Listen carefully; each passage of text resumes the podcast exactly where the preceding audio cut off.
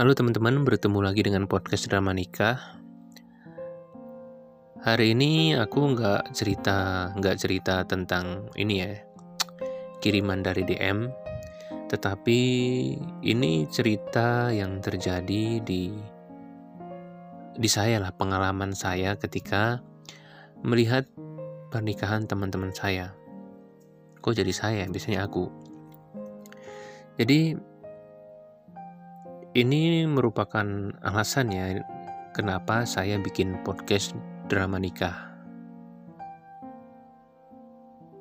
Karena jujur banyak hal-hal yang orang nggak tahu ya, atau belum sempat pelajari.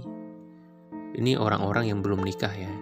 Mereka ini belum sempat pelajari tentang uh, pernikahan itu dari mulai lamaran sampai resepsi atau setelahnya gitu. Jadi karena tidak sempat mempelajari dengan teliti, entah bertanya ke siapa yang lebih pengalaman, nah karena mereka ini nggak pelajari, maka ketika ma mau nikah atau nik proses nikah itu ngalamin kejadian-kejadian yang nggak enak. Nah di sini makanya aku mau cerita ya kejadian-kejadian itu nggak tahu kejadian kejadian ini sebenarnya biasa aja atau luar biasa ya. Tapi jujur ketika kejadian itu terjadi itu nggak enak banget karena aku pernah lihat sendiri. Ini contoh ya contoh kejadiannya ya. Ini dialamin ini contoh dua aja ya yang dialamin teman deketku sendiri uh, ini bukan pernikahan mewah yang saya yang aku ceritakan ya. Pernikahan ya biasalah gitu. Nggak di gedung tapi di rumah. Uh, ini jadi temanku ini orang Jakarta ya. Dia menikah dengan orang Brebes. Di hari akad dan resepsi ya jadi besok nih akad dan resepsi malamnya aku dan teman-temanku berangkatlah dari Jakarta ke Brebes. Kita ke sana naik mobil lah. Kita kurang lebih sekitar empat orang. Iya empat orang. Kemudian sampai sana jam 8 malam. Kemudian nginep di hotel. Nah paginya langsung ke rumah temanku yang mempelai cowok ini. Nah ketika sampai rumah dia, temanku ini udah rapi lah. Nah, sebut saja namanya Ahmad ya. Ahmad ini udah rapi, udah siap lah, udah siap mau nikah. Seolah-olah nggak ada kejadian apa-apa. Lancar, bakal lancar nanti.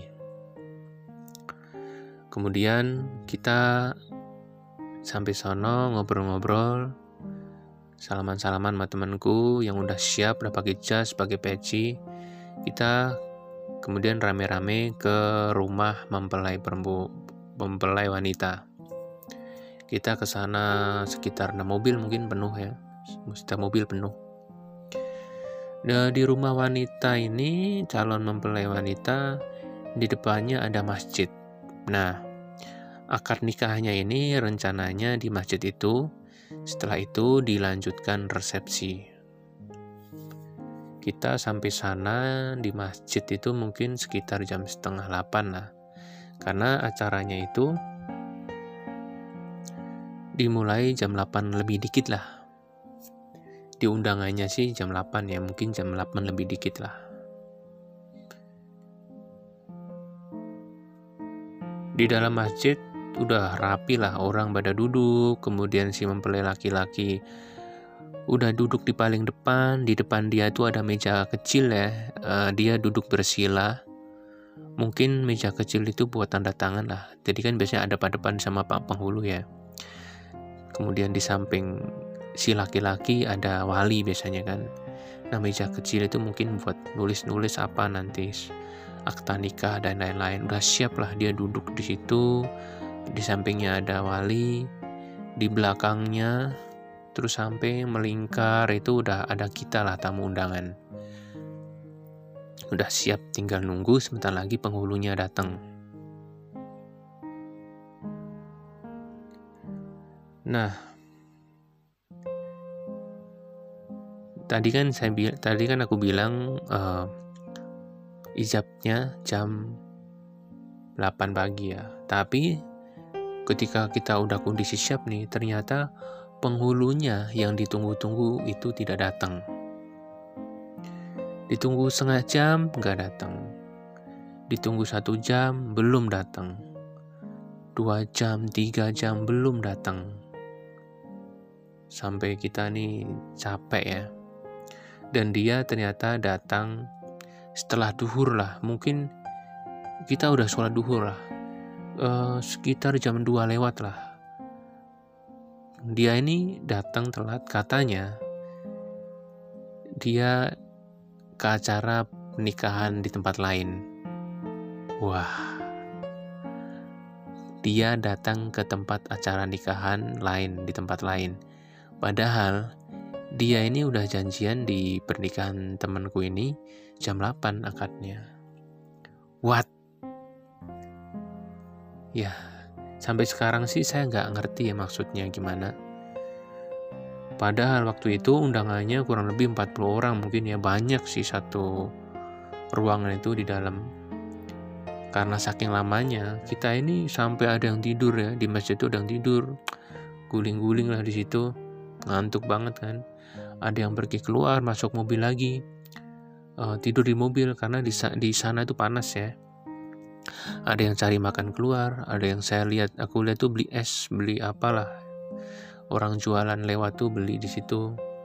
Yang paling kasihan temanku ini yang cowok. Udah kayak mau nangis dia. Udah mau nangis kucel. Yang tadinya pakai jas rapi udah kucel udah. Udah nggak karuan lah. Kalau yang mempelai wanita itu sempat keluar kalau nggak salah ya. Akhirnya dia masuk lagi dia sedih banget deh kalau nggak salah.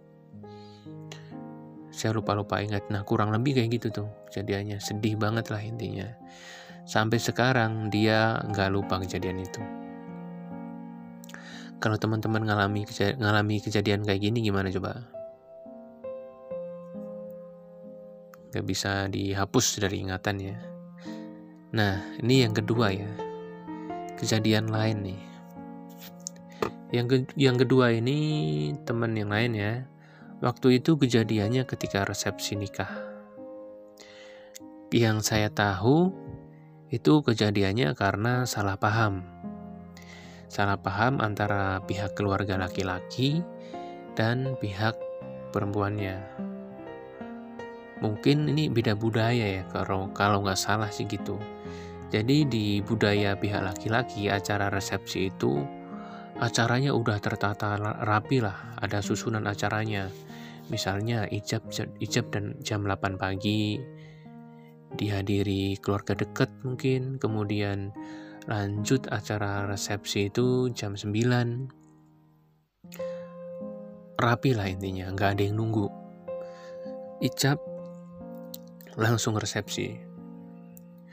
Ternyata di pihak perempuan ini beda budayanya di mana setelah ijab ijab selesai nih dihadirin sama keluarga ya ijab dihadirin keluarga selesai setelah selesai si calon pengantin, si pengantin wanita ini masuk lagi ke dalam di make up lagi untuk make up untuk uh, acara resepsi.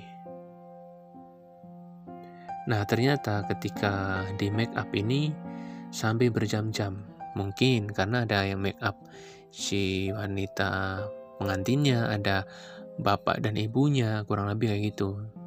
Jadi lama.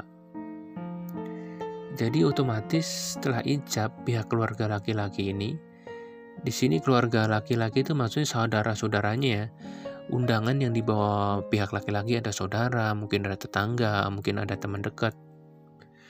Mereka ini jadi nunggu gara-gara si wanita pengantin wanita ini di make up. Sampai beberapa kali ada saudara atau siapalah dari atau siapalah dari pihak laki-laki ini nanya. Nanya ke pihak keluarga perempuan. Intinya nanya kapan sih ini resepsinya dimulai? Kok nggak nggak mulai-mulai? Gitu mereka ini nanya dengan raut muka yang marah lah nggak sabar gitu. Ini kapan nih kita panas nih duduk nih di luar nih? Nggak mulai-mulai sih. Kurang lebih kayak gitu. Sementara si calon pengantin laki-laki dan ayah ibunya ini ngerasa nggak enak lihat kondisi seperti itu. Nah karena sudah malas nunggu para undangan dari laki-laki ini, mereka kan datang pakai bis ya. Ini kampungnya tuh jauh ya. Kalau ditempuh itu sekitar 6 jam jauh ya. Mereka bawa bis jadi. Karena malas nunggu, para undangan dari laki-laki ini akhirnya pulang. Mereka intinya ngancem pengen pulang aja deh, kelamaan nunggu. Mereka pulang, karena mereka ini datang bersama ayah ibunya laki-laki satu bis. Akhirnya mereka nggak bisa pulang. Akhirnya mereka cuma nunggu di bis. Jadi mereka ini nggak menyaksikan acara resepsi malah nunggu di bis itu. Aduh sedih banget sih kalau ingat. Aduh orang tuanya ini nangis ya. Saya ingat sekali. Orang tuanya ini nangis karena merasa diperlakukan seperti itulah sama saudara-saudaranya.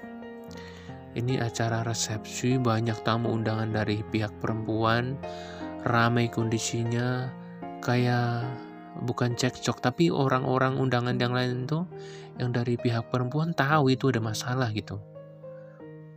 Nangis si cowok si pengantin laki-laki ini juga nangis. Kok mereka nggak mau nungguin sih sabar aja. Jadi si pengantin laki-laki ini resepsi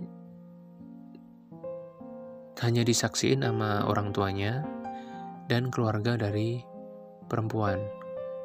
Udah gitu aja.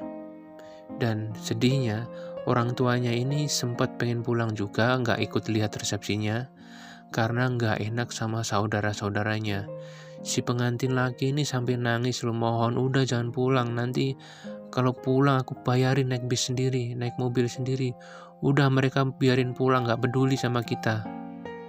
Intinya tuh sedih banget sih sebagai temen tuh nggak enak saya.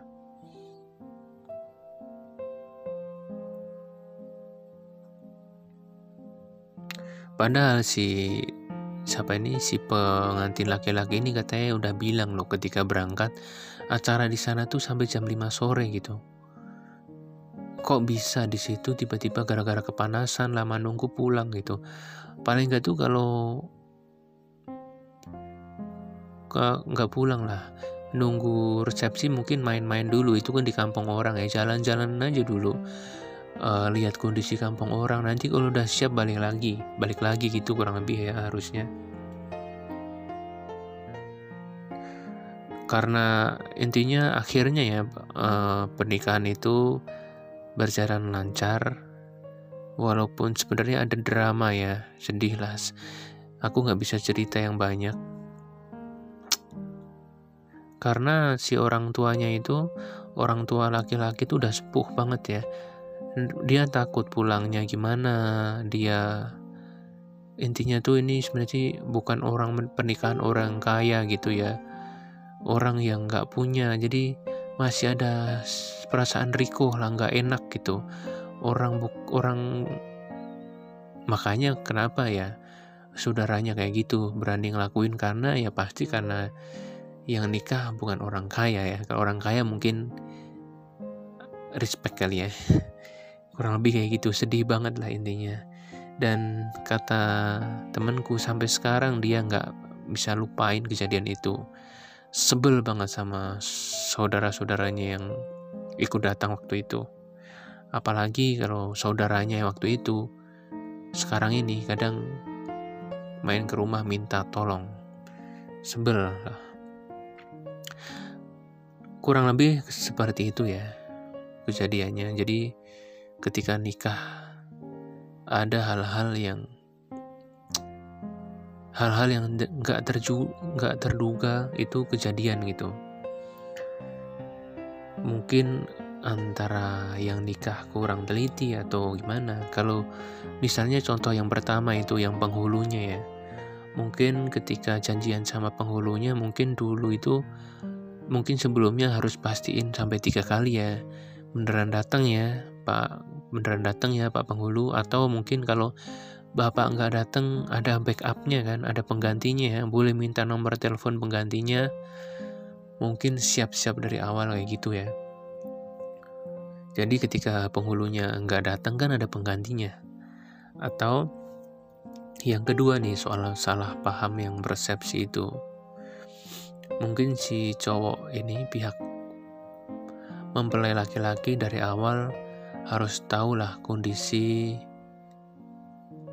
kondisi uh, proses resepsi di budaya perempuan tuh gimana sih?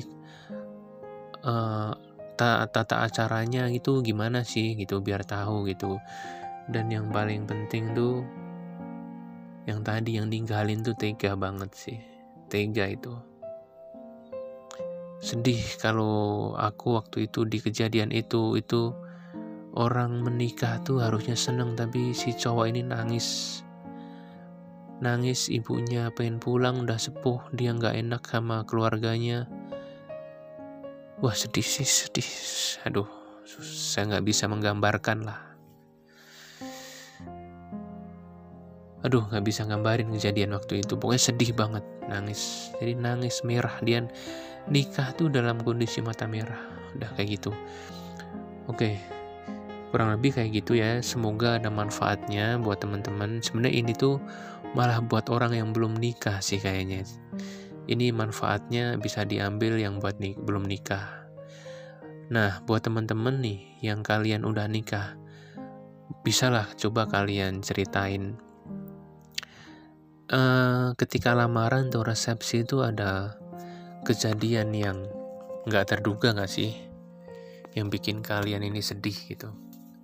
Paling nggak cerita kalian ini ada manfaatnya lah. Kalau emang manfaatnya bisa dipakai terus menerus si A dengerin oh jadi tahu. Kemudian ada si B yang pengen dengerin eh si B yang mau nikah jadi tahu juga ketika dengar cerita kamu si C juga.